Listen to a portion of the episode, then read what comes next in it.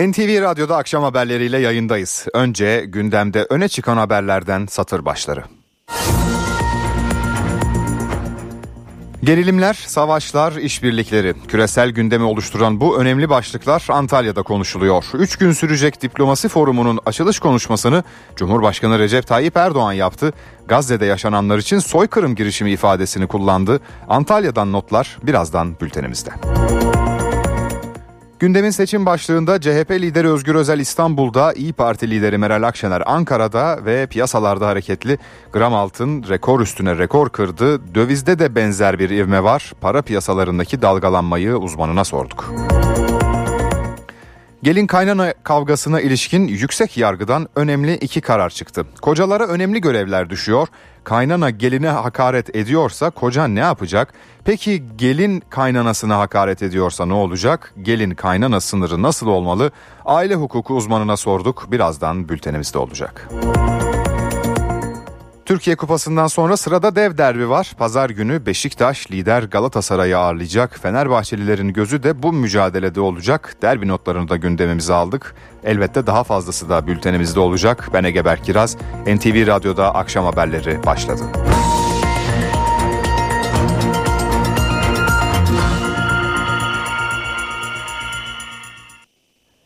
Gazze'deki savaş değil soykırım girişimi. Savaşın bile adabı hukuku vardır. Cumhurbaşkanı Recep Tayyip Erdoğan İsrail'in son saldırısına bu sözlerle tepki gösterdi. Erdoğan Antalya'da diplomasi forumunda konuştu, uluslararası topluma seslendi. Kural temelli uluslararası düzenin iflas bayrağını asıl çektiği yer Gazze olmuştur. Güvenmemiz, itibar etmemiz gerektiği söylenen yapıların ne kadar aciz ve işlevsiz olduğunu hep birlikte gördük. Gazze'de yaşananlar kesinlikle bir savaş değildir. Bir soykırım girişimidir. Çünkü savaşın bile uyulması gereken bir ahlakı, adabı ve hukuku vardır.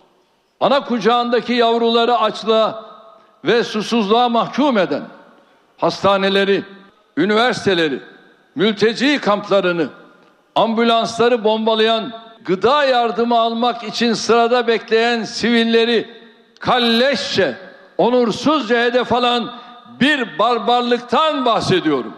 Sözler eylemle desteklenmedikçe ne Filistin'deki zulmü durdurmak ne de uluslararası sisteme güveni yeniden inşa etmek mümkündür. Uluslararası toplum Filistin halkına olan borcunu ancak Filistin devletinin kurulmasıyla ödeyebilir. Bu maksatla garantörlüğü de içerecek şekilde sorumluluk almaya Türkiye olarak hazır olduğumuzu belirttik. Gazze konusunda Mısır'dan da bir açıklama var. Forum için Antalya'da bulunan Mısır Dışişleri Bakanı Semih Şükri, Ramazan ayında bir ateşkesin gerekliliğiyle ilgili uluslararası fikir birliği var, umutluyuz dedi. Ramazan ayında devam edecek askeri hareketliliğin yalnızca Gazze ve Batı Şeria'daki siviller üzerinde değil, aynı zamanda Müslüman dünyasında da gergin bir ortama neden olacağını söyledi. Cumhurbaşkanı Erdoğan Antalya Diplomasi Forumu nedeniyle seçim çalışmasına ara verdi. AK Parti İstanbul Büyükşehir Belediye Başkan adayı Murat Kurum seçim çalışmalarını Beşiktaş'ta sürdürdü. Ulaşım ve kentsel dönüşüm üzerinden Ekrem İmamoğlu'na yüklendi.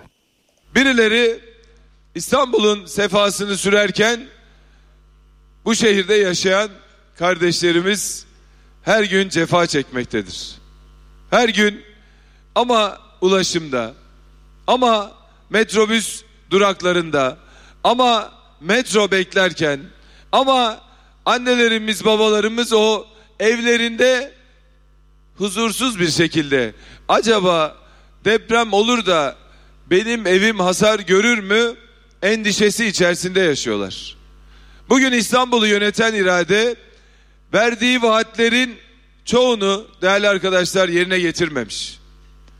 Ve İstanbul'umuz maalesef tüm uluslararası standartlara ve araştırma sonuçlarına göre hizmetsizlikle anılıyor. Başarısızlıkla anılıyor. Ve ya bir taksi sorununu çözememiş bir iradeden bahsediyoruz. Gittiğimiz her yerde işte ya otopark sorunu, ya taksi sorunu, ya kentsel dönüşüm sorunu, yeşil alan sorunu gibi onlarca sorunla karşı karşıyayız. Çaresizlik içinde milletimiz maalesef İstanbul'da bugün cefa çekmektir. CHP lideri Özgür Özel bugün İstanbul'da. Sabah saatlerinde Cem evine gitti. Şu sıralarda Beykoz'da mitingde konuşması bekleniyor. Özgür Özel İstanbul'da temaslarda bulunurken Büyükşehir Belediye Başkanı Ekrem İmamoğlu da Fenerbahçe Spor Kulübü'ndeydi. İstanbul Büyükşehir Belediye Başkanı Ekrem İmamoğlu seçim çalışmalarına Fenerbahçe Spor Kulübü Başkanı Ali Koç'u ziyaretle devam etti. Ülker Stadyumu Fenerbahçe Şükrü Saracoğlu Spor Kompleksinde gerçekleşen görüşmeye İmamoğlu'nun sarı lacivert bir kravatta gittiği görüldü. 10 defa bana sarı lacivert kravat gelecek diye bekledik gelmedi? Yaklaşık yarım saat süren görüşmenin ardından iki isim de ortak açıklama yaptı. Tabii sizle bir konuda yarışıyoruz Sayın Başkan. Biz olimpiyatlara en çok sporcu yollayan kulüp olmakla iftihar ediyoruz.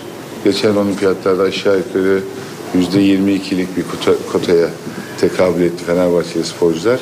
Ama engeller olimpiyatına eklediğimiz zaman siz en çok sporcu yolluyorsunuz. Orada da aramızda öyle bir yarış var. Spor İstanbul için çok özel bir yerde. Bu konuda çok özel ulusal, uluslararası ve şehir bünyesinde adımlar attık. E, markalarını büyütmek istiyoruz bu kentin spor adına. Etkinlikler noktasında söylüyorum özellikle. Bu bağlamda hem 2027 Avrupa oyunları konusundaki yolculuğumuzda artık son noktaya gelmiş durumdayız. Ali Koç açıklamaların ardından Ekrem İmamoğlu'na Cumhuriyet'in 100. yılı için özel üretilmiş Fenerbahçe forması hediye etti. Piyasalar hareketli. Gram altın tarihi zirveyi gördü, 2066 lirayı aştı. Dövizde de ivme yukarı yönlü. Piyasalar haftayı nasıl tamamlıyor? Döviz ve altın neden yükseliyor? Altın ve para piyasası uzmanı İslam Memiş'e sorduk. Yılbaşından bu yana gram altın ve ons altın her ay yeni bir rekor denemesi yaparak bu yükseliş trendini devam ettiriyor. Serbest piyasalarda kapalı çarşı piyasasında gram altın e, bugün 2140 lira seviyesine kadar yükselirken ons altın 2050 dolar seviyesinin üzerine zorluyor. E, Amerika'daki verilerin olumsuz gelmesi, kötü gelmesi ons altını pozitif yönde desteklerken içeride dolar tl kurunun yükselmesi ve ons altınla doların yükselişinin aynı haftaya tekabül etmesi e, yine gram altında yeni bir rekoru gündeme getirmiş oldu. E, gram altın TL fiyatında her ay yeni bir rekor denemesi beklediğimi söyleyebilirim. Özellikle e, gram altın TL fiyatında takip ettiğim bant aralığı e, 2150-2170 Mart ayı için. Yaz aylarında 2500-2700, yılın son çeyreğinde 3000 lira seviyesine hedef alan bir yükseliş karşımızda olacak. E, doların yükseldiği her ortamda gram altın normal şartlarda yükseliyor. E, ons altın da buna dahil olunca e, gram altındaki yeni rekor denemeleri kaçınılmaz olur.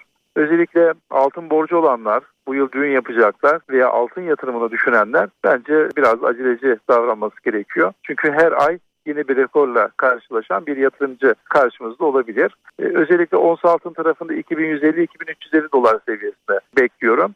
Merkez bankalarının faiz politikası özellikle yılın ikinci yarısında faiz indirim sürecini piyasaların beklemesi, jeopolitik gerilimler ve küresel ekonomiye dair belirsizlikler ons altını bu yıl pozitif yönde destekleyeceğini ben tahmin ediyorum. E, altın için 2024 yılındaki öngörüm altın 2024 yılında altın çağını yaşayacak gibi duruyor. Dolarda da bir yükseliş var zaten bahsettiniz. Ee, evet. Orada ve Euro'da nasıl bir e, ilerleme bekliyoruz? Euro'nun e, 2024 yılına dolara kıyasla daha avantajlı olduğunu e, düşünüyorum.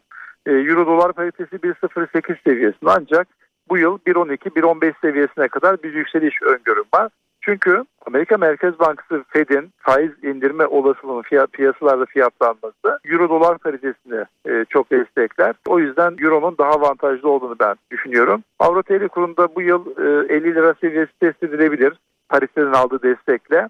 E, içeride dolar tl kuru e, Şubat ayında 31 lira seviyesine yerleşti. E, Mart ayında da 32 lira seviyesine yerleşmesini bekliyorum. Ama e, bu yıl dolar tl kuru yurt içi piyasalarda teknik olarak 40 lira seviyesinin üzerine test edebilir diye tahmin ediyorum. Efendim bu yükselişlerin sebebi olarak ne gösterilebilir? Enflasyonist bir ortamdan geçiyoruz. Enflasyonist ortamda genelde enflasyon fiyatlaması e, belirlenemiyor. Sancılı bir süreç var. Sıkılaştırma politikası halen devam ediyor. Yabancı yatırımcıların gelişinde bir hızlanma şu anda e, görmüyoruz. Ve talep artışı da var e, burada. Merkez Bankası döviz satmaya, içeride de vatandaş döviz almaya devam ediyor. O yüzden sıkılaştırma politikası, enflasyonist bir ortam ve merkez bankalarının politikaları burada önemli bir etken neden oluyor. Son soru borsa ve kripto para ile ilgili şu anda son durum nedir ve nasıl bir gelecek öngörüyorsunuz?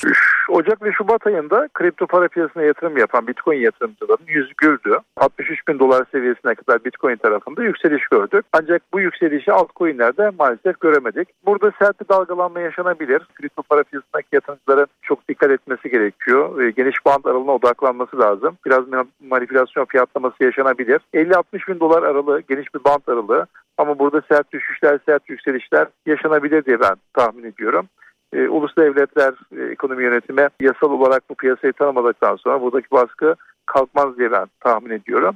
E, ancak iki yıl önceki zararlarını halen kurtaramayan yatırımcılarla dolu kripto para piyasası. Borsa tarafında 9000 puan seviyesinin üzerinde tutulma çabasını sürdüren bir Borsa İstanbul Yüz Endeksi var karşımızda. Ben e, kısa vade için 8750 puan destek seviyesine takip ediyor olacağım. Ancak yıl sonuna kadar e, 12 bin, 15 bin puan seviyesine kadar endeks tarafında yükselişlerin devam edeceğini düşünüyorum. Altın ve para piyasası uzmanı İslam Memiş NTV Radyo'nun sorularını yanıtladı.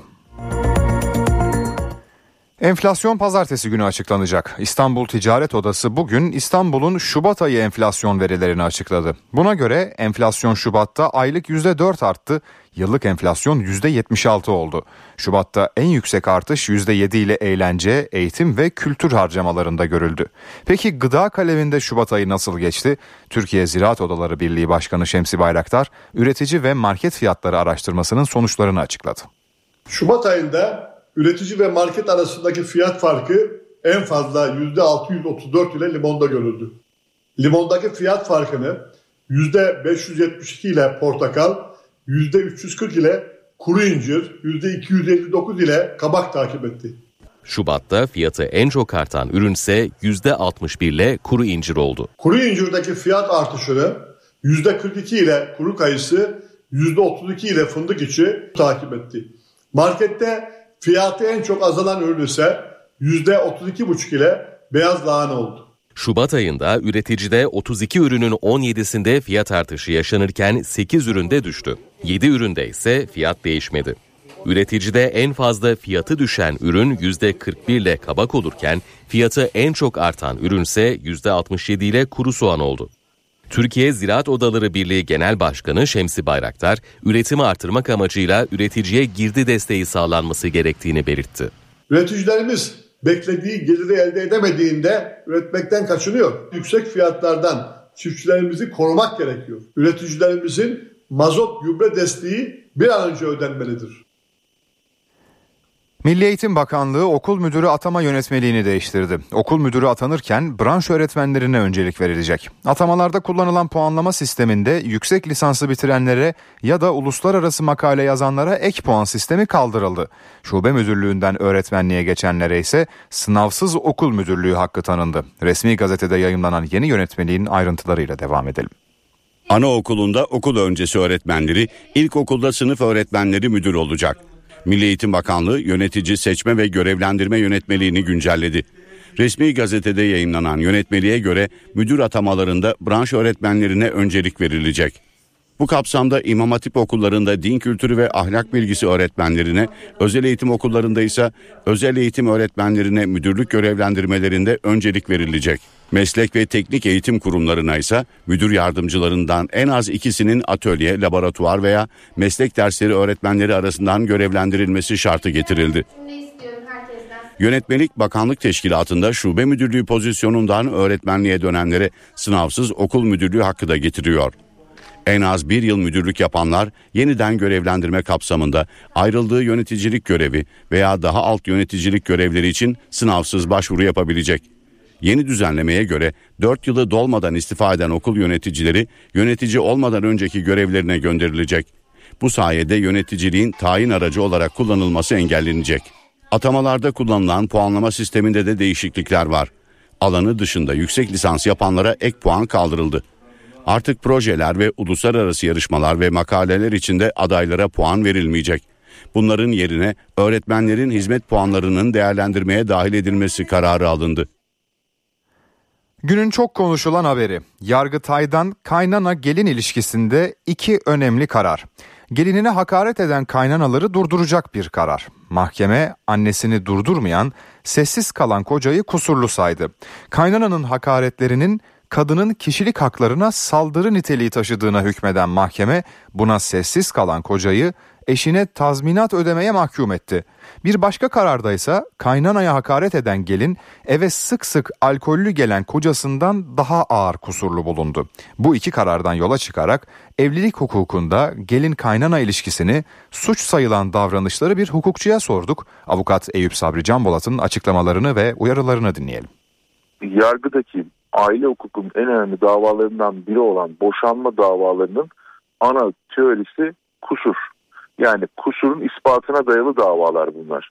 Ve mahkemelerin haliyle de hakimlerin elinde kuyumcuların elinde tuttuğu bir ölçer gibi bir ölçek yok. Yani bu kadar gram şu kadar diye ayırt edebilecekleri bir konu yok. Neyle ispat vasıtası var? Tanık dediğimiz takdiri delil, yazışmalar ve benzer başkaca rapor, bilgi, resim, belgeyle ispat edilebilir. Yargıtay'ın bu her iki konudaki kararlarında asıl da dosyanın içeriği incelendiği takdirde iki tarafında birbirlerine karşı kusur hitap ettikleri hususun ne kadar ispatladıklarına bakmak lazım. Bir. İkincisi sadakatsiz davranış iddiası ne kadar ispat edilebildi? Eve alkollü gelen ko- kocayla bu nasıl e, eşit kusur sayıldı buna bakmak gerekiyor. Ama şöyle bir şey var hani toplum olarak aldatılmak mı, aldatmak mı yoksa alkolik olmak mı daha ağır kusurlu gibi bir genelleme üzerinden konu değerlendirilebilir. Asıl da burada önemli olan şey şu. Evlilikteki en büyük yıkıcı etki ne? Neden? Çünkü bazı insanlar aldatmayı bir evliliğin bitirilme sebebi olarak görmüyorlar. Ama alkoli, alkolik olmayı bunu bir bitirme sebebi olarak görebiliyor. Burada tarafların bunu affedici davranış olarak saydıkları şeylerin tanıklarla ispat edilip edilmediğine bakılması gerekiyor. O yüzden bu çok önemli. İkinci konuda da e, kayınvalidenin geline yönelik hakaretlerine sessiz kalan kocayı kusurlu bulması doğru. Neden doğru? Evlenmekle kök ailenizden kopmazsınız ama bir yuva kurmuş olursunuz. Hal böyle olunca yeni kurduğunuz yuvada evlilik birliğinin kurulmasıyla bazı yükümlülükleri var insanların.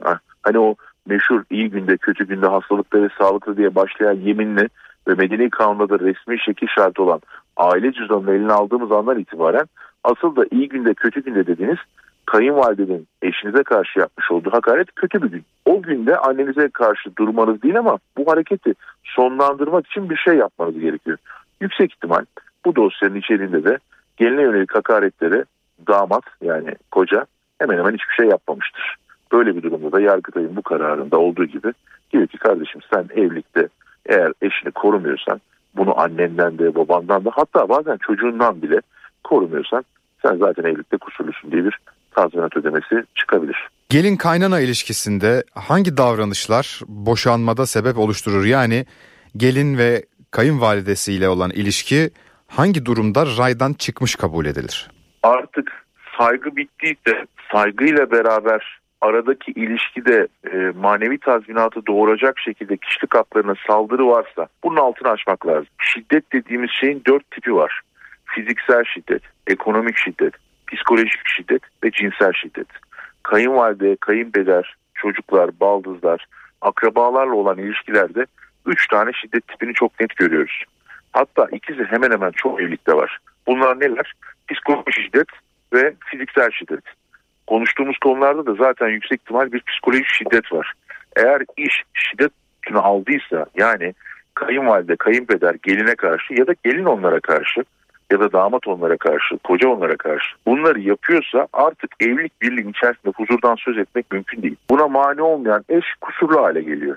Basit bir örnekle anne devamlı geline onu giyme, şöyle konuşma, dışarı böyle çıkma, evden çıkma deyip hakaretler ediyor, kıyas yapıyor. Sen oğlumdan daha iyilerine layıksın, şöyledir böyledir diyorsa yani onu küçümsüyor ve hayatını olumsuzlaştırıyorsa o zaman yapılacak şey de artık oğlan o evdeki gelinle kaynın arasındaki tarafta mümkünse o ortada durmayıp evliliğin devamını sağlayacak davranışları sergilemesi lazım. Bunu sergilememiş olmasını Yargıtay kusur buluyor. Aynı şey alkolde de geçerli. Alkolikliğinin tedavisinden kaçınıyorsa kusurlu. Kaynana geline saygısızlık yaptığında erkek buna nasıl müdahale etmeli? Koca, damat burada nasıl bir rol üstlenmeli? Kayınvalide geline çok hakaret ediyorsa, fiziksel şiddete varan hareketlerde bulunuyorsa ki bazen varıyor. Ya da evliliğin artık içindeki müdahalesi hiç bitmiyorsa damadın yapması, kocanın yapması gereken şey şu. Başından beri bir arada cam duvar uygulamalı. Yani bu benim ailem, siz de benim annem babamsınız. Size sevgim, bakmam, devam ettireceğim bütün hislerim devam ediyor. Ama benim yuvama karışmayın deyip ilk yapacağı hareket mümkünse uzak bir yere taşınmak. İki, aradaki bağ koparmaya çalışmak. Kiminle? Kendisiyle değil, eşiyle kayınvalide arasındaki ilişkiyi koparmaya çalışmak. Mümkünse dışarıdan bir destek almak, psikolojik destek olabilir, aile danışmanlığı olabilir. Araya sözü geçecek insanları da koyarak yapılan yanlışın yanlış olduğunu ve evli yıkıcı etkisi olduğunu o kayınvalideye izah etmeye uğraşmak. Anne benim evliliğime artık karışma. Yuvam yıkılıyor ve mutsuz bir adam olacağım demek lazım. Bunu demediği sürece kusurlu. İnsanlar hayatlarını gün içerisinde hiç durmadan anneleriyle paylaşıyorlar. Özellikle erkek çocuklar. Ve bu çok ciddi anlamda boşanma sebebi ve mahkemeler artık çok ciddi tazminatlar da vermeye başladı. Evleneceğiniz insanın önce bir gidin ailesine bakın. Ne kadar bağlı, ne kadar bağımlı. Ne kadar sevgi dolu bir yuvada büyümüş, ne kadar şiddet dolu bir yuvada büyümüş. Eğer bunu sizin ailenizden çok farklı kültür ve doku uyuşmazlığı seviyesinde bir halde görürseniz ne yaparsanız yapın sevginin yenemeyeceği şeyler de var. Bunlardan bir tanesi aile ve geçmişi değiştirmek. Bunu yapamadığınız takdirde de evliliğin içerisinden üçüncü kişi diye adlandırabileceğiniz kayınpeder, baldız, kayınvalide, teyzeler ve diğer akrabaları çıkaramazsınız. Avukat Eyüp Sabri Can Bolat NTV Radyo'nun sorularını yanıtladı.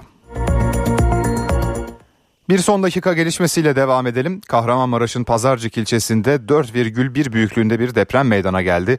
Afet ve Acil Durum Yönetimi Başkanlığı'nın internet sitesinde yer alan bilgiye göre merkez üssü Kahramanmaraş'ın Pazarcık ilçesi olan 4,1 büyüklüğünde bir sarsıntı kaydedildi.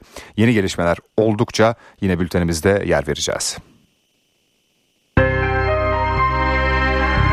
NTV Radyo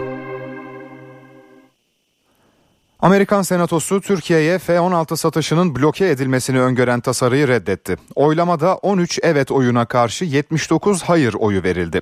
Böylece Amerika'nın F-16 satışını engellemeye yönelik girişim büyük bir oy farkıyla Senato'da reddedilmiş oldu. Amerikan Dışişleri Bakanlığı 26 Ocak'ta Türkiye'ye 40 F-16 savaş uçağının satışı ve mevcut F-16'ların modernizasyonu konusunda kongreye resmi bildirimde bulunmuştu. Milli Savunma Bakanlığı da F-16'larla ilgili Washington'ın Ankara'ya kabul mektubu gönderdiğini açıklamıştı. Türkiye gibi İran'da seçim heyecanı yaşıyor. İran halkı hem milletvekilleri hem de dini lideri seçen uzmanlar meclisi için oy veriyor. Peki katılım nasıl? Favori kim? Ne bekleniyor? Tahran'a bağlanacağız. Haberi NTV muhabiri Ali Çabuk'tan alacağız. İran'da 12. dönem parlamento meclisi ve devrim liderini belirlemek ve denetlemekle görevli olan Uzmanlar Meclisi seçimleri bugün itibariyle başladı. İran devrim lideri Ayetullah Ali Hamenei ve İran Cumhurbaşkanı İbrahim Reisi sabah saatlerinde oylarını kullandılar. Hamenei oy kullandıktan sonra yaptığı ilk açıklamada İranlıları sandık başına çağırdı ve oy kullanmalarını istedi. Hamenei İranlıların kullanacağı oy ile düşmanların hayal kırıklığına uğratılacağını belirtti. Diğer yandan seçimler boykot çağrılarının gölgesinde gerçekleşiyor. Reformist cephe Anayasayı Korucular Konseyi'nin reformist adaylara yönelik uyguladığı vetodan dolayı tepkili olduklarını ve başkent Tahran için bir aday listesi açıklamayacaklarını duyurdular. Buna rağmen bazı reformist liderler inisiyatif alarak seçimlere katıldıklarını açıkladılar. Ancak muhafazakar çoğunlukta olan mecliste ve 12. dönem seçimlerinde yine muhafazakar partilerin ve siyasi grupların ön planda olacağı bekleniyor. Tabi seçime katılım konusu da bir hayli önem arz etmekte. 11. dönem e, meclis seçimlerinde katılım %50'nin altında kalmıştı. Bu seçimler e, e, için yapılan anket çalışmalarında da e, seçime katılımın %50'nin altında kalabileceği belirtilmekte. Bu ise özellikle ülkede masa emini gösterileri sonrası başlayan meşruiyet tartışmalarının büyüyebileceğini ve seçime katılım oranının düşük olması halinde meşruiyet tartışmalarının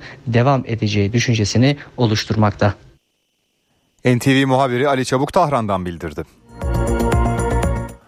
Rus muhalif Alexei Navalny ölümünden iki hafta sonra bugün toprağa verilebildi. 15 gün önce cezaevinde şüpheli bir şekilde ölen muhalif lider için Moskova'da cenaze töreni düzenlendi. Navalny'e veda etmek isteyen binden fazla kişi törenin yapılacağı kilise önünde toplandı.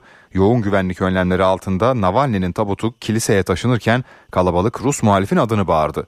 Navalny törenin ardından Borisov mezarlığında defnedildi. Törenler olaysız sona erdi. Dünyanın gündemindeki bir diğer konu dün Gazze'de yaşanan katliam. İsrail askerlerinin yardım bekleyen insanların üzerine ateş açması sonucu ölü sayısı 112'ye yükseldi. İsrail'den çelişkili açıklamalar gelse de olaya tanık olanlar aynı şeyi söylüyor. Nabulsi kavşağına yardım geleceğini öğrendik. Oraya gittik. Kuzey Gazze'deki herkes oradaydı. Biz varalı 4-5 dakika olmuştu. Birden İsrail tankları belirdi. İnsanların üzerine doğrudan ve rastgele ateş açtılar. Katliama tanık olan herkes aynı hikayeyi anlatıyor. İsrail tanklarının aniden ortaya çıktığını, üzerlerine ateş açtığını söylüyorlar. Raşit sokağındaydık. Birden tanklar geldi. Kaos vardı, kalabalık vardı. Bize ateş açtılar. Yiyecek ve un almak için gittik. Bize ateş açmaya başladılar. Kendimizi yerde bulduk.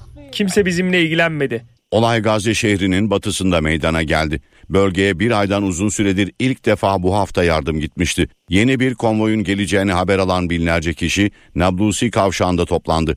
Kamyonlar bölgeye ulaştığında kalabalık iki saattir bekliyordu. İsrail askerleri açlık ve çaresizlik içinde bekleyen kalabalığa ateş açtı. Filistinliler tankların ateş açtığını söylüyor. İsrail tarafındansa çelişkili açıklamalar geldi. İsrail önce ateş açıldığını inkar etti. İzdiham çıktı dedi. Saatler sonra askerlerin ateş açtığı itirafı geldi. Bu kez güvenlik endişesi nedeniyle ateş açıldığı gerekçesi öne sürüldü. Birleşmiş Milletler Sözcüsü Stefan Dujarric olayların soruşturulması gerektiğini söyledi. Ne olduğunu tam olarak bilmiyoruz. Ancak insanlar ister İsrail'in açtığı ateşte, ister birbirini ezerek, isterse kamyonlar tarafından çiğnenerek ölmüş olsun. Bu bir şiddet eylemidir ve çatışmadan kaynaklanmaktadır dedi. Yüzden fazla ölü, yüzlerce yaralı var. Hastane kaynakları çoğunun kurşun yarası olduğunu açıkladı. NTV Radyo Ev sahipleri ve kiracılar dikkat. Beyanname dönemi başladı. Bu yıl kiracıların da yapacakları var. NTV Ekonomi Servisi beyanname ile ilgili bilinmesi gerekenleri, yapılacak işlemleri 10 maddede topladı. Dinleyelim. 1 Mart'la birlikte kira beyannamesi verilmeye başlandı. Süreç 31 Mart'ın hafta sonuna denk gelmesi nedeniyle 1 Nisan günü sona erecek. Vergilerin birinci taksidi damga vergisiyle 1 Nisan'a, ikinci taksidi ise 31 Temmuz'a kadar ödenebilecek. 2023 yılında konutundan yıllık 21 bin lira, iş yerinden 150 bin liranın üzerinde kira geliri elde edenler gelir vergisi ödemek zorunda. Mülk sahipleri Gelir İdaresi Başkanlığı'nın gib.gov.tr internet adresi üzerinden hazır beyanname sistemini doldurabilir. Yurt dışında yaşayan vatandaşlar da Türkiye'deki konutları için kira beyannamesi vermek zorunda. Eğer konuta birden fazla kişi ortaksa hisseli ödeme yapılıyor. Yani herkes hissesine karşılık gelen kira gelirini beyan ediyor. Beyannameler süresinde verilmezse özel usulsüzlük cezası kesiliyor. Verginin süresinde ödenmemesi durumunda bir kat para cezası uygulanıyor. Ödemeler dijital vergi dairesinden ve mobil uygulamalardan yapılabiliyor.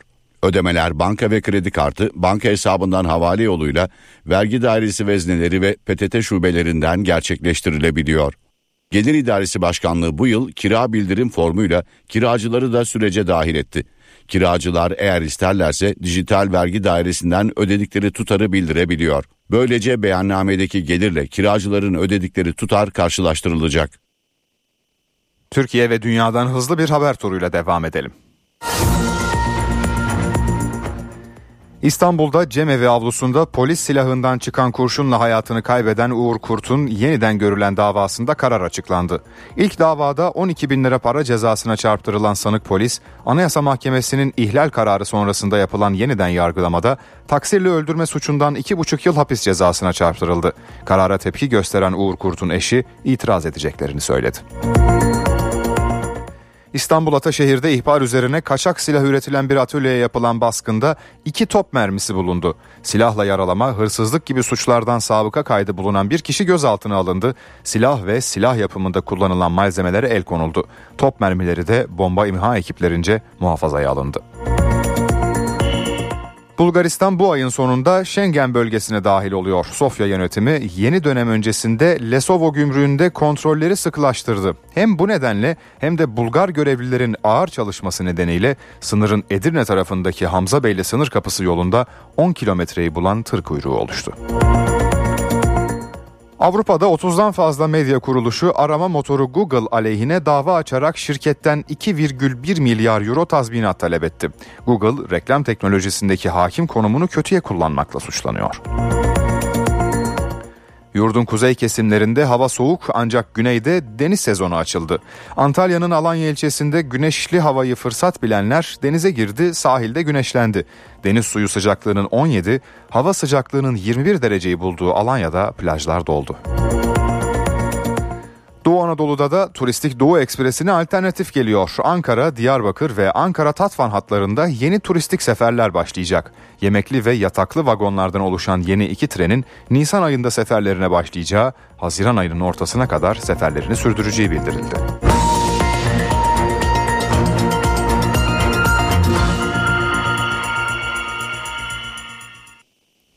Obezite son yılların en önemli sorunlarından ve dalga dalga büyüyor. Dünya çapında obez teşhisi konanların sayısı 1 milyara aştı. Üstelik bu sayının beşte birini çocuklar oluşturuyor. Genele bakıldığında ise her 8 kişiden biri obez. Bu konuda dünyanın dört bir yanında çalışan bilim insanlarının katıldığı son araştırma ise çarpıcı. Ayrıntılarını NTV'nin Londra temsilcisi Gökhan Bozkurt anlatıyor. Dinleyelim.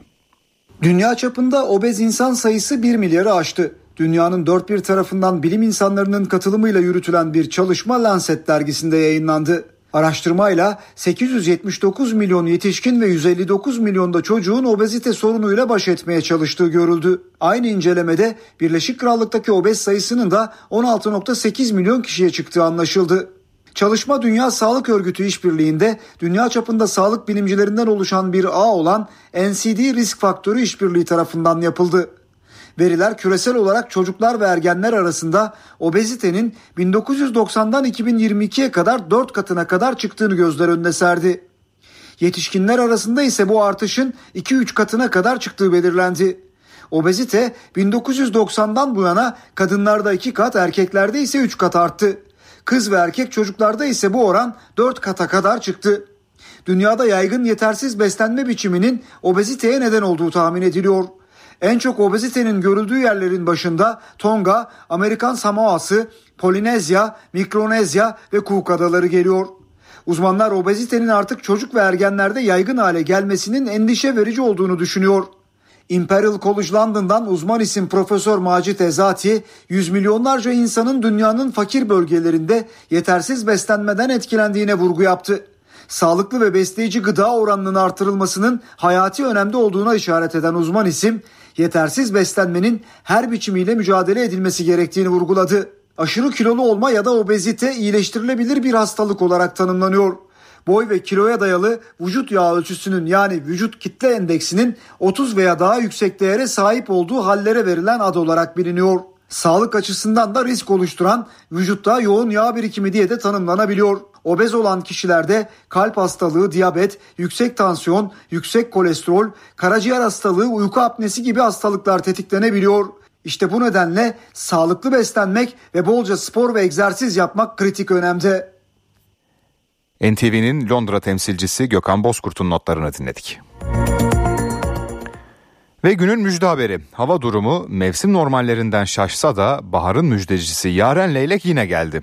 Uzak diyarlardan kanatlanıp her yıl olduğu gibi yine balıkçı Adem'in kayığına kondu. 13 yıllık dostluğun hikayesiyle bitiriyoruz bu bölümü. Uluabat Gölü'nde gelenek haline gelen buluşma 13. yılda da gerçekleşti. Filmlere konu olan iki dost bir kez daha göl kıyısındaki kayıkta buluştu. Yaklaştım Yaren diye bağırdım. Uçtu çatıma geldi. O zaman Yaren olduğunu anladım. Burası Bursa'nın Karacabey ilçesine bağlı Eski Karaağaç köyü. Leyleklerin göç rotası üzerinde bulunuyor. Bu nedenle Türkiye'yi Avrupa Leylek Köyleri Birliği'nde temsil eden tek köy statüsüne sahip. Yaren Leylek de 13 yıldır bu köyün adeta bir bireyi. Balıkçı Adem Yılmaz'la aralarında özel bir bağ var. Her yıl Mart ayında Eski Karaağaç köyüne geliyor. Köye döner dönmez de balıkçı dostunun kayığına uğruyor. Yaren Leylek ağlarımı atarken geldi kayıma. İlk buluşmamız dün oldu. Bugün de e, ağlardan çıkan balıklarla onu besledim. Şu anda çok mutluyum. Çünkü e, onu doyurduğum için e, sevinçliyim yani. Yaren Leylek'in gelişiyle köyde turizm hareketliliği de yaşanıyor. İşte doğa bilincini, hayvan sevgisini arttırmak maksadıyla bu hikayenin çok önemli olduğunu düşünüyoruz. Bu vesileyle de canlı olarak Adem amca Yaren Leylek'i görmek isteyenler buraya geliyorlar. Yaren Leylek bir sonraki göç dönemine kadar günlerini Adem Yılmaz'la geçirecek. Yuvası ve yavruları yarenleylek.com üzerinden canlı izlenebilecek.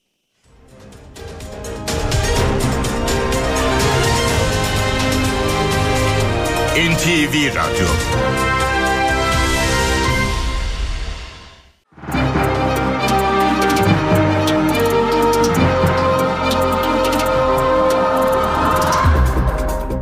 Borsa İstanbul Yüz Endeksi 9131 seviyesinde. Dolar 31.35, Euro 33.94'ten işlem görüyor. Euro dolar paritesi 1.08. Ons altın 2052 dolarda, gram altın 2068, çeyrek altın 3507 liradan satılıyor. Brent petrolün varil fiyatı ise 83 dolar. NTV Radyo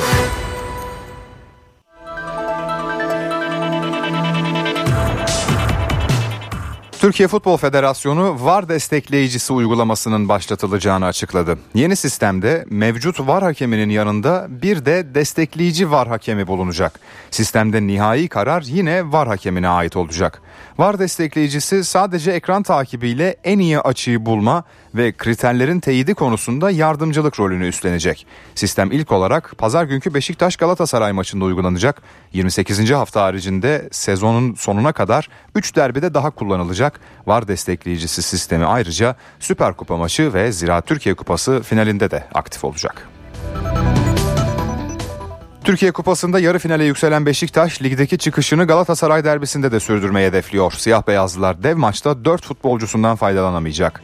Fernando Santos'un ekibinde Jetson Fernandes ve Zaynutdinov kart cezaları, Chamberlain ve Tayfur Bingöl'de sakatlıkları nedeniyle forma giyemeyecek. Jetson'un yokluğunda Salih Uçan'ın Galatasaray'a karşı ilk 11'de olma ihtimali ise yüksek. Beşiktaş'ta Necip, Svensson, Masuaku, Amarty, Semih ve Ege sarı kart, sarı kart ceza sınırında bulunuyor.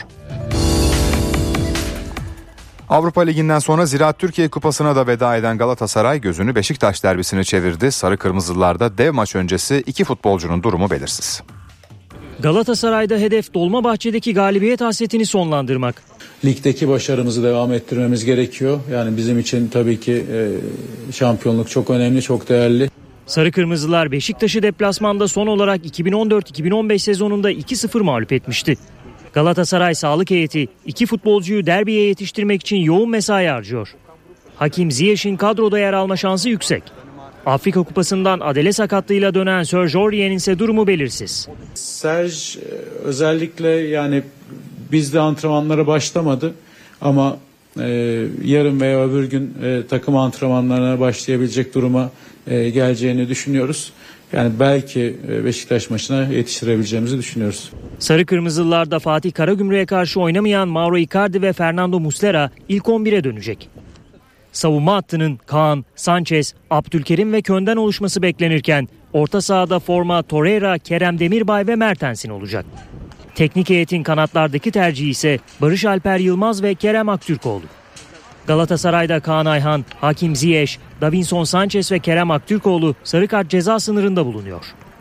UEFA Avrupa Ligi'nden sonra Ziraat Türkiye Kupası'ndan da elenen Galatasaray, Beşiktaş'ı yenerek hem moral bulmaya hem de Süper Lig'de zirveyi korumaya çalışacak. Fenerbahçe Süper Lig'de Hatay Spor'a konuk olacak. Türkiye Kupası'nda Ankara gücüne farklı yenilen Sarı Lacivertliler ligde deplasman serisine kaldığı yerden devam etmeye çalışacak. Fenerbahçe zirve takibini sürdürmenin peşinde. Sarı lacivertliler 28. hafta maçında Atakaş Hatay Spor'a konuk olacak. Hatay ve daha sonraki maçlarla ilgili de tekrar Fenerbahçe futbol takımının nasıl futbol oynadığını herkese göstereceğiz. Fenerbahçe Türkiye Kupası'nda deplasmanda Ankara gücüne yenilse de Süper Lig'de konuk olduğu son 7 rakibini de mağlup etmeyi başardı. İsmail Kartal'ın ekibi 28. haftaya Galatasaray'ın 2 puan gerisinde ikinci sırada girdi. Uzun yıllardır böyle bir yarış, böyle bir e, şampiyonluk mücadelesi verilmemişti. Her iki takım da güzel bir mücadele veriyor. Onun için sonuna kadar bu işin böyle gidebileceğini düşünüyorum. Fenerbahçe'de tedavi süreci tamamlanan Fred takıma katıldı. Brezilyalı futbolcunun Hatay Spor maçında kadroda olması bekleniyor. Son olarak 21 Ocak'taki Samsun Spor karşılaşmasında forma giyen Fred, devamında Süper Lig'de 6 maçta görev yapamadı. Fenerbahçe Hatay Spor'a yarın saat 19'da konuk olacak. İki takım arasında ilk yarıda Kadıköy'de oynanan maçı Sarı Lacivertliler 4-2 kazanmıştı.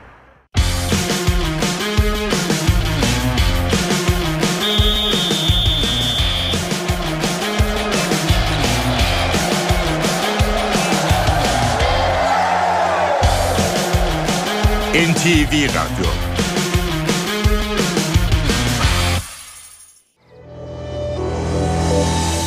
Hafta sonu batıda yağış var. Pazar günü sıcaklıklar 4-5 derece düşecek. Cumartesi günü İstanbul, İzmir, Bursa ve Antalya'da hava bulutlu ve yağmur geçişleri olacak. Ankara'da hafif yağmurlu. İstanbul 13, Ankara ve İzmir 16, Bursa 15, Antalya 20 derece. Pazar günü ise çoğunlukla bulutlu geçecek. Marmara'da cumartesi yağmurlu bir gün. Sıcaklık 13-14 dereceye iniyor. Pazar günü yağış zayıf, günün genelinde bulutlu bir hava olacak. İç Anadolu'da Konya, Aksaray, Nevşehir, Kayseri bölümünde gök gürültülü sağanak geçişi var. Sıcaklık cumartesi 16-17 derecelerdeyken pazar günü 10-12'lere inecek. Pazar özellikle Sivas-Kayseri tarafında yağış var. Ege'de de gök gürültülü sağanak geçişleri var. Sıcaklık 2-3 derece düşüyor. Muğla 13, Manisa 16, Afyon 15, Bodrum yağmurlu 17 derece. Pazar yağış zayıf, çoğunlukla bulutlu geçecek. Akdeniz biraz bulutlu, Güneydoğu'da biraz bulutlanıyor. Cumartesi geceye doğru Hatay, Osmaniye, Gaziantep tarafında, pazarda Diyarbakır, Adıyaman kesiminde kısa süren yağmur geçişleri bekleniyor. Adana 22, Hatay 17, Kahramanmaraş 14, Gaziantep 12 derece. Karadeniz'de cumartesi öğleden sonra Bolu, Karabük, Zonguldak kesiminde, pazarsa Kastamonu, Samsun, Tokat çevrelerinde yağmur var. Zonguldak 11, Bolu 15, Samsun 17, Trabzon 18 derece. Doğu Anadolu'da Malatya bölümü biraz bulutlanacak. Erzurum güneşli 9, Malatya 15, Van 6 derece. Pazar hava daha kapalı olacak. NTV Radyo'yu internette ntvradio.com.tr adresindeki canlı dinle butonuna tıklayarak ya da akıllı cihazlarınıza indireceğiniz NTV Radyo uygulamalarından da dinleyebilirsiniz.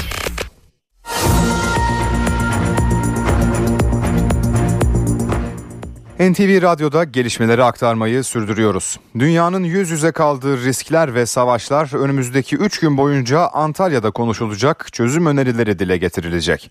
147 ülkeden 19 devlet başkanı, 60 Dışişleri Bakanı ve yüzlerce diplomatın katıldığı Antalya Diplomasi Forumu bugün başladı.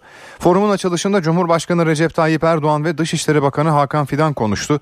Öne çıkan başlık Gazze Savaşı'ydı. Cumhurbaşkanı Gazze'de savaş değil soykırım girişimi yaşandığını söyledi. Ayrıntıları Antalya'dan NTV muhabiri Özden Erkuş aktarıyor.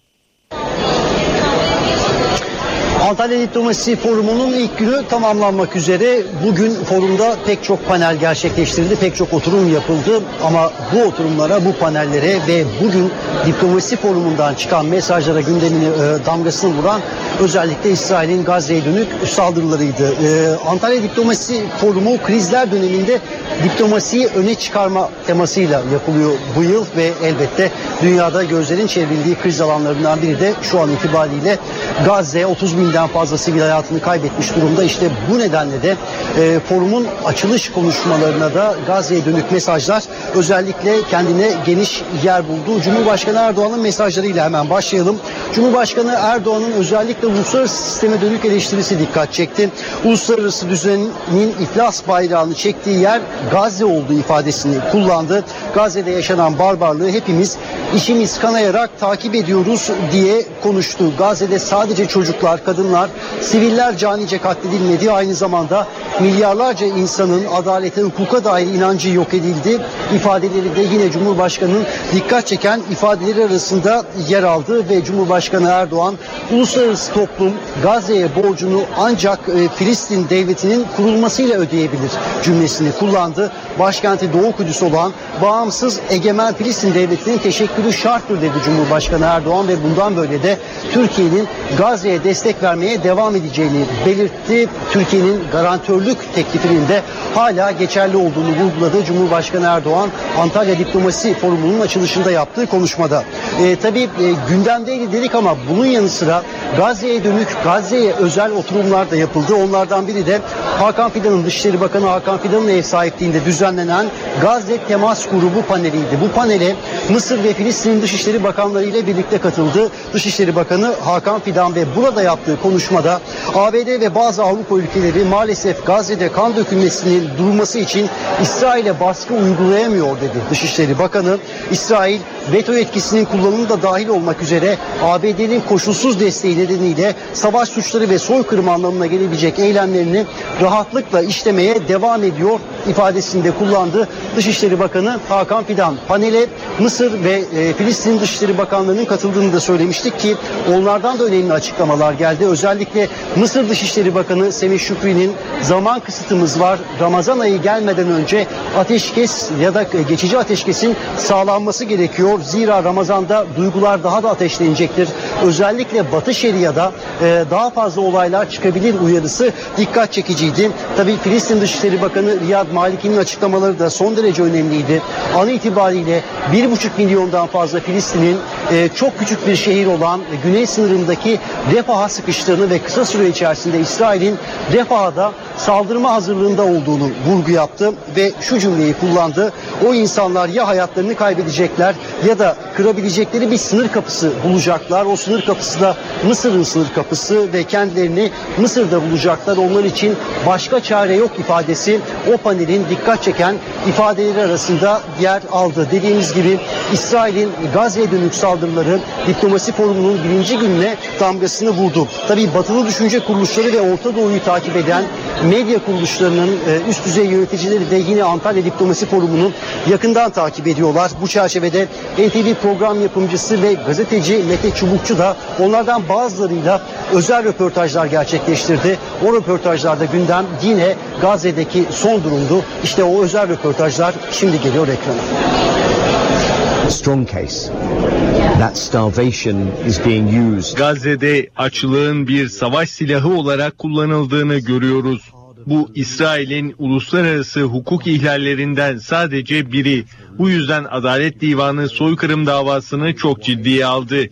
Bu kadar çok sivili yerlerinden edip evlerini bombalayan İsrail, insanların hayatta kalması için gereken gıdaya ulaşmalarına izin vermezken, bölgeye gitmesine izin verilen azıcık gıdaya ulaşmaya çalışan çaresiz insanlara ateş açması, yaşananların ne kadar büyük bir kötülük ve ne kadar büyük bir suç olduğunu göstermektedir.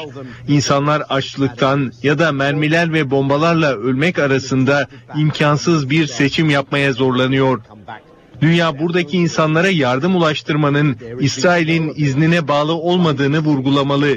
Gördüğümüz sahnelerin yeniden yaşanmasına izin verilmemeli. Bu yüzden yasalar ve uluslararası düzen var. Ancak tüm dünya olarak ABD'nin Birleşmiş Milletler Güvenlik Konseyi'ndeki ateşkes çağrısı kararlarını veto ettiğini görüyoruz. ABD'nin savaşa devam etmesi için İsrail'e silah sağladığını görüyoruz. Dünyanın büyük bölümü ise sistem değişmeli diyor. Amerika Birleşik Devletleri'nin hukuk ve insani değerler derken sistemi bozduğunu görüyoruz. Gazze'deki ölümler İsrail ve ABD üzerindeki baskı artmadıkça sona ermeyecektir. Israel with American arms. İsrail sadece Amerika Birleşik Devletleri'nin yardımıyla değil, Amerikan silahlarıyla Gazze'yi yok etmek istiyor. Mümkün olduğunca Filistinli öldürmeye çalışmalarının yanı sıra Gazze'yi yaşanmaz kılmaya da çalışıyorlar. Burada amaçları ise yeni bir nakba, yeni bir toplu göçe yol açmak. İsrail Savaş Kabinesi'nin bazı üyeleri buna karşı çıksa da İsrail hükümetinin Şahin üyelerinin amacı tam olarak bu. Bu savaş devam ettiği sürece Gazze'yi yaşanmaz hale getirme amaçlarına ulaşmış oluyorlar. İsrail'in amacı Filistin devletini yok etmek. Bu tabii ki garantörlük teklif eden Türkiye'nin dış politikası açısından önemli. Öncelikle saldırıların durdurulması gerekiyor. Ama ABD ve İngiltere buna yanaşmıyor. Türkiye'nin burada çok büyük bir fırsatı var ancak bu fırsatın kaçma tehlikesi bulunuyor. Eğer İsrail ve ABD'nin bölgenin geleceğini çizmesine izin verirseniz önümüzdeki 10 yılın Orta Doğu haritasını Türkiye'yi etkileyecek bir şekilde sizin dışınızda şekillendirmelerine izin vermiş olursunuz. Türkiye bu planlara karşı çıktıklarını göstermek konusunda en önde yer almalı ve Filistin devleti için mücadelesini sürdürmelidir. Absolutely. Önce Antalya'dan haberleri aldık, ayrıntıları aldık. NTV ekibinden Özden Erkuş'un notlarını dinledik. Daha sonra NTV ve NTV radyo programcısı gazeteci Mete Çubukçu'nun röportaj yaptığı isimleri mikrofona getirdik. Kimdi o isimler hemen onları anlatalım. ABD Orta Doğu Projesi Başkanı Daniel Levy ve Middle East Eye Başkanı David Harts'ın NTV'ye gazeteci Mete Çubukçu'ya özel olarak verdiği röportajı mikrofona getirdik. NTV Radyo Denizli'de Pamukkale Üniversitesi Hastanesi'nin bahçesindeki kafeteryada silahlı saldırı düzenlendi. 7 kişi yaralandı. Silahlı 2 kişi kafeteryada oturanları hedef aldı. Yaralanan 7 kişi hastanede tedavi altında. 2 kişinin hayati tehlikesi bulunuyor. Saldırı sonrası kaçan zanlılar aranıyor. 6 yaşında çocuğun evlendirilme skandalıyla ilgili yeni bir gelişme var. İstanbul Bölge İdare Mahkemesi'nin cezaları az bularak bozmasının ardından Anadolu 2. Ağır Ceza Mahkemesi duruşma tarihi belirledi. Buna göre sanıklar 6 Mayıs'ta yeniden hakim karşısına çıkacak. Davada mahkeme sanık Kadir İstekli'yi 30, baba Yusuf Ziya Gümüşeli 20 ve anne Fatıma Gümüşeli ise 16 yıl 8 ay hapis cezasına çarptırmıştı. Savcının itirazı üzerine dosyayı inceleyen istinaf mahkemesi cezaları az bularak kararı bozmuştu. Gerçeğe aykırı cinsel istismar raporu hazırladığı öne sürülen aile içi taciz teşhisi koyduğu 40 çocuğun ailesini tehdit ettiği ve çocuklara uyuşturucu madde enjekte ettiği ileri sürülen doktor hakim karşısına çıktı. Savunmasında söylenenin aksine çocuk ve gençlere yardım ettiğini ileri sürdü. Çocuklara uyuşturucu madde verdiği, çocuklardan ailelerini cinsel istismarla suçlamalarını istediği iddiasıyla hakkında 972 yıla kadar hapis cezası istenen Profesör Doktor Salih Zoroğlu'nun yargılanması başladı. Davanın ilk duruşması Bakırköy 21. Ağır Ceza Mahkemesi'nde görüldü. Çocuk ve ergen psikiyatristi Salih Zoroğlu, ergenlerin aile içi istismar iddialarını doktorların ciddiye almadığını, kendisi ve çalıştığı birkaç doktorun gençlere yardım ettiğini söyledi. Çocuklara verdiği maddeyle ilgili ketamin depresyonda mucize bir ilaçtır. Ben torbacı değilim profesörüm. Benim tek görevim cesur olup bildirmekti dedi. Salih Zoroğlu muayenehanesini 2020 yılında açtığını ve 3000'e yakın hasta gördüğünü, bu hastaların 400'üne ise davaya konu olan çoklu kişilik bozukluğu teşhisi koyduğunu söyledi. Duruşmaya klinikte psikolog olan tutuklu sanık Ahmet Aktaş'la tutuksuz sanıklar Zoroğlu'nun eşi ve klinik idaresini takip eden Özgül Zoroğlu, Doktor Hüsnü Haca, klinik sekreteri İnce Arslan ve psikolog Zeynep Akgül de katıldı. Zoroğlu hakkında uyuşturucu veya uyarıcı madde ticareti yapma veya sağlama, eziyet, iftira, kişiyi hürriyetinden yoksun kılma, şantaj, uyuşturucu madde kullanımını özendirme, özel hayatın gizliliğini ihlal etme suçlarından 972 yıla kadar hapis cezası isteniyor. Schengen vizesinde kriz yeni yılda da sürüyor. Önceden haftalar sonrasına randevu alınabiliyordu. Artık aylar sonrasına gün veriliyor. Özellikle Almanya, Fransa, İtalya ve Hollanda gibi çok talep gören ülkelerde uzun bir bekleme sürecini göze almak gerekiyor. Peki bir çözüm ya da esneme mümkün mü? NTV'den Baran Bila vize krizini Avrupa Birliği Küresel Araştırmalar Derneği Başkan Vekili Can Baydarol'a sordu. Randevular ya kapalı ya da haftalar, aylar sonrasına gün veriliyor. Schengen vizesindeki sorunlar çözülemiyor. Almanya, Fransa, İtalya ve Hollanda en çok talep gören ülkeler. Ancak Avrupa Birliği üyesi ülkelerin hemen hemen hepsi için uzun bir bekleme sürecini göze almak gerekiyor. Schengen vizesini şart koşan hemen hemen her ülkeye gitmek zorlu bir süreci beraberinde getiriyor. Öyle ki hangi güne randevu verileceği dahi belli değil. Örneğin Belçika'ya gitmek istiyoruz diyelim hemen ilgili seyahat acentesinin sayfasına giriyoruz. Önce başvuru kategorisini seçiniz diyor. Burada en hızlı sonuç alabileceğimiz kısa süreli olan kısmı işaretliyoruz ve sonrasında alt kategori karşımıza çıkıyor. Alt kategoride farklı alternatifler var. Burada da e, en yine hızlı sonuç alınabilecek görece kültür ve spor etkinlikleri alanını işaretliyoruz. Karşımıza çıkan en erken tarih 22 Mayıs 2024. Bu da 2 aydan daha uzun bir süreyi işaret ediyor. Evraklar sorunsuz bir şekilde teslim edilse bile başvuru reddedilebiliyor.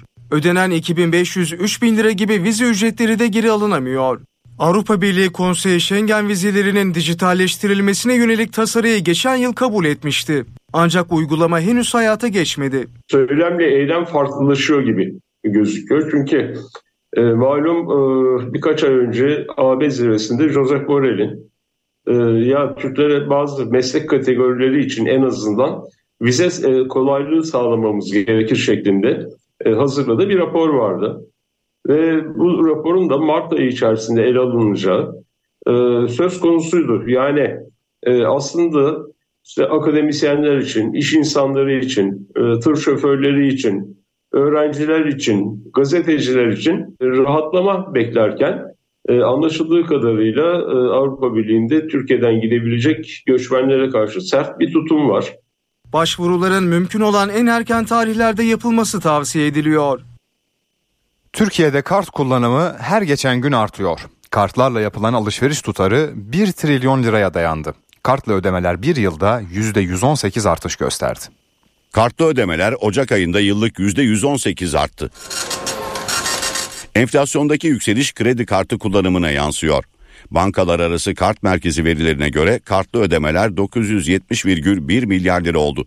Ödemelerin 810,9 milyar lirası kredi kartıyla, 141,1 milyar lirası banka kartlarıyla, 18,1 milyar lirası ön ödemeli kartlarla yapıldı. Sadece harcama oranları artmadı. Kartların kullanım oranı da yükseldi. Kredi kartıyla yapılan ödeme adedi artışı %23 oldu.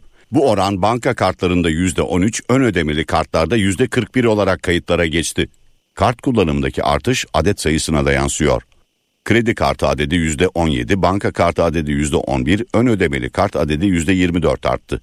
Kredi kartı sayısı 119 milyona, banka kartı sayısı 190,5 milyona, ön ödemeli kart sayısı 91,1 milyona çıktı. Bankacılık Düzenleme ve Denetleme Kurumu'nun verileri taksitli alışverişteki artışı ortaya koydu.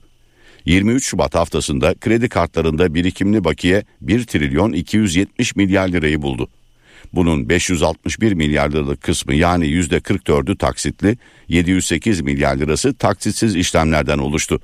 Taksitli işlemler 2023 Şubat ayına göre azalsa da Ocak 2024'e göre 1 puan arttı. Mart ayı kolon kanseri farkındalık ayı. Erken teşhiste kolonoskopi taramaları büyük öneme sahip. Ancak kimi zaman uzun bekleme süreleri oluyor. Bunun önüne geçilmesi amacıyla bir çalışma başlatıldı. Türk Tıbbi Onkoloji Derneği Başkan Yardımcısı Profesör Nuri Karadurmuş hem o çalışmalara hem de kolon kanseriyle ilgili NTV'den Öykü Tüccar'ın sorularını yanıtladı. Kolon kanseri kapının hemen ardındaki en büyük kanser adayıdır. Sigara içseniz de, içmeseniz de, zayıf olsanız da, olmasanız da. Kolon kanseri dünyada kansere bağlı ölümlerde ikinci sırada. Uzmanlara göre 45 yaş üstü herkes her yıl tarama yaptırmalı. Hastalığın tanısı ve tedavisinde kritik rol oynayan kolonoskopi içinse devlet hastanelerinde aylar süren randevu kuyrukları var. 8 aya 12 aya varan randevular var. Bu konuda Sağlık Bakanlığı ne yapıyor? Endoskopi ve kolonoskopi işlem ehliyetini genel cerrahlarla da paylaşmaya hazırlanıyor. Çok yakın bir zamanda da bu açıklanacak zaten.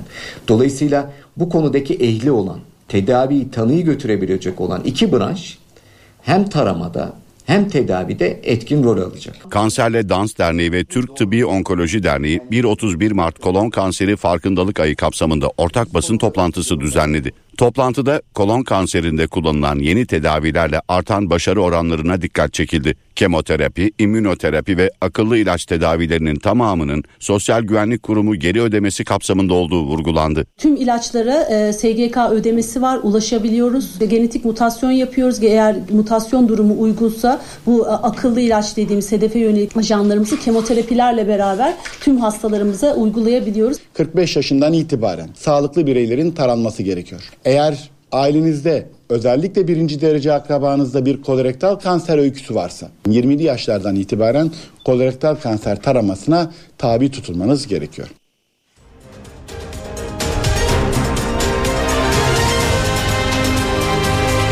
NTV Radyo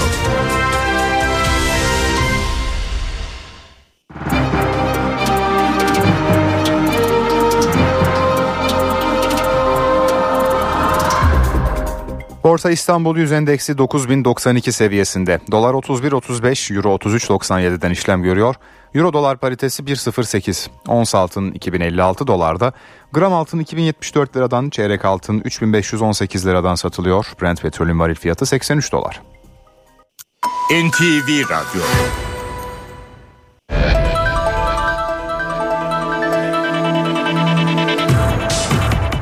Süper Lig'de 28. hafta bu akşam başlıyor. Haftanın ilk mücadelesinde Kasımpaşa Sivas Sporu saat 20'de ağırlayacak. Fenerbahçe yarın Hatay Spor karşısında sahaya çıkacak. Mersin'de oynanacak mücadele saat 19'da başlayacak. Pazar 19'da ise dev bir mücadele var. Beşiktaş ve Galatasaray kritik derbide karşı karşıya gelecek.